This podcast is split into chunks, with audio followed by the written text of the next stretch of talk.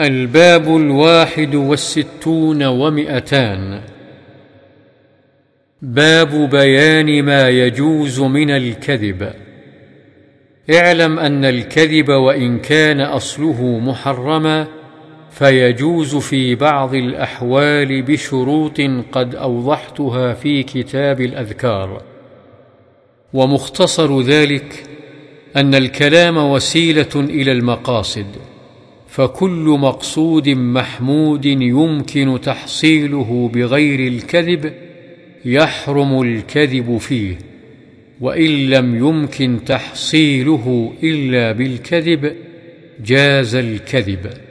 ثم إن كان تحصيل ذلك المقصود مباحا كان الكذب مباحا وإن كان واجبا كان الكذب واجبا.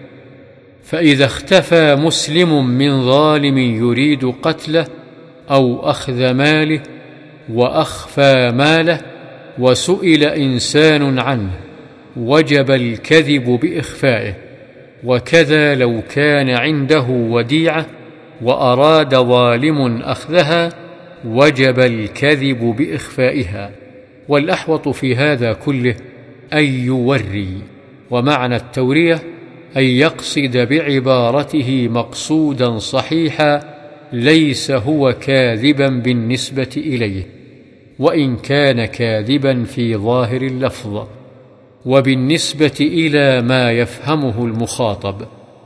ولو ترك التورية وأطلق عبارة الكذب فليس بحرام في هذا الحال.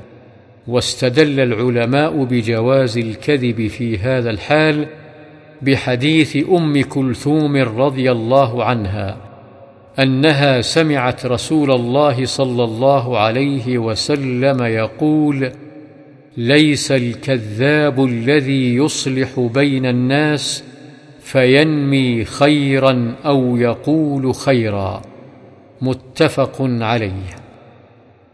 زاد مسلم في رواية قالت أم كلثوم رضي الله عنها ولم أسمعه يرخص في شيء مما يقول الناس إلا في ثلاث تعني الحرب والإصلاح بين الناس وحديث الرجل امرأته وحديث المرأة زوجها.